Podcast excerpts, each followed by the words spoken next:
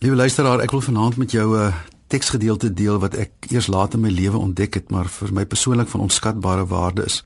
Ek lees uit Prediker 5 vers 17. Ek het ook iets gesien wat goed is. Dit is aangenaam om te eet en te drink en die lewe te geniet onder al die gesoeg op hierdie wêreld. Dit kom 'n mens toe vir die hele leeftyd wat God hom skenk. God gee aan 'n mens rykdom en besittings en laat hom dit geniet.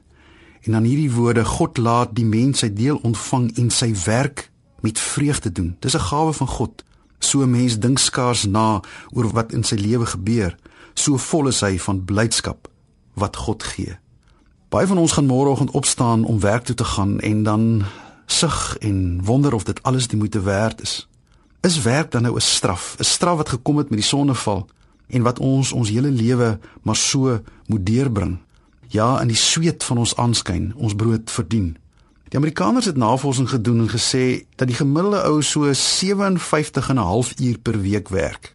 Die implikasie daarvan is dat ons werk die enkele grootste aktiwiteit in ons lewe is. Daar is niks wat jy doen wat meer tyd in beslag neem as jou werk nie. So nou is die gevolgtrekking eenvoudig. As jy ongelukkig is in jou werk, hoe kan jy regtig gelukkig wees? Ek is absoluut oortuig daarvan dat werk nie deel van God se straf op die skepping is nie, maar deel van God se goeie skepping.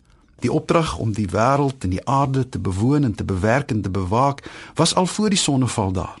Wat wil ons mekaar dus sê? Dit lyk vir my asof jou werk vir God belangrik is. Dit is 'n gawe van God. Dit is 'n opdrag van God. God wil ons in diens neem en sê, "Maar jy is my medewerker. Ek wil hê dat jy saam met my op hierdie aarde moet woon en werk." Jou werk is daarom 'n gawe van God. Thomas Carlyle het gesê, Blessed is he who has found his work. Let him ask for no other blessedness. En Rudyard Kipling het gesê, and no one shall work for money and no one shall work for fame, but each for the joy of working. Hoe kry ek dit reg om so te werk dat dit regtig ook vir my 'n vreugde en 'n plesier word? Ek dink een van die belangrikste goed wat 'n mens kan doen is om te sê dat jou werk tot eer van God moet plaasvind. Sokrates het gesê, ken jouself. Freud het gesê, vind jouself. En Jesus Christus het gesê: "Gee jouself."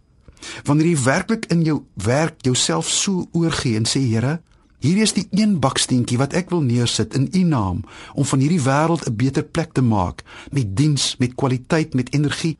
Dan gebeur daar iets, daar gebeur iets in jou denke. Daar gebeur iets in jou siege. Die ou kerkvaders het gesê: "Laborare est orare." Om te werk is om te bid.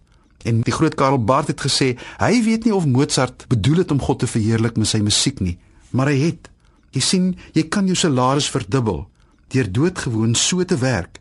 En dan verdien jy nie net 'n cheque nie, maar jy verdien die guns en die goedheid en die genoegdoening van God self. Mag jy môre werk toe gaan met die wete dat jy saam met my eintlik in een groot tempel, een groot kathedraal, een groot heiligdom van God werk. Mag jou kantoor 'n heiligdom word. Amen.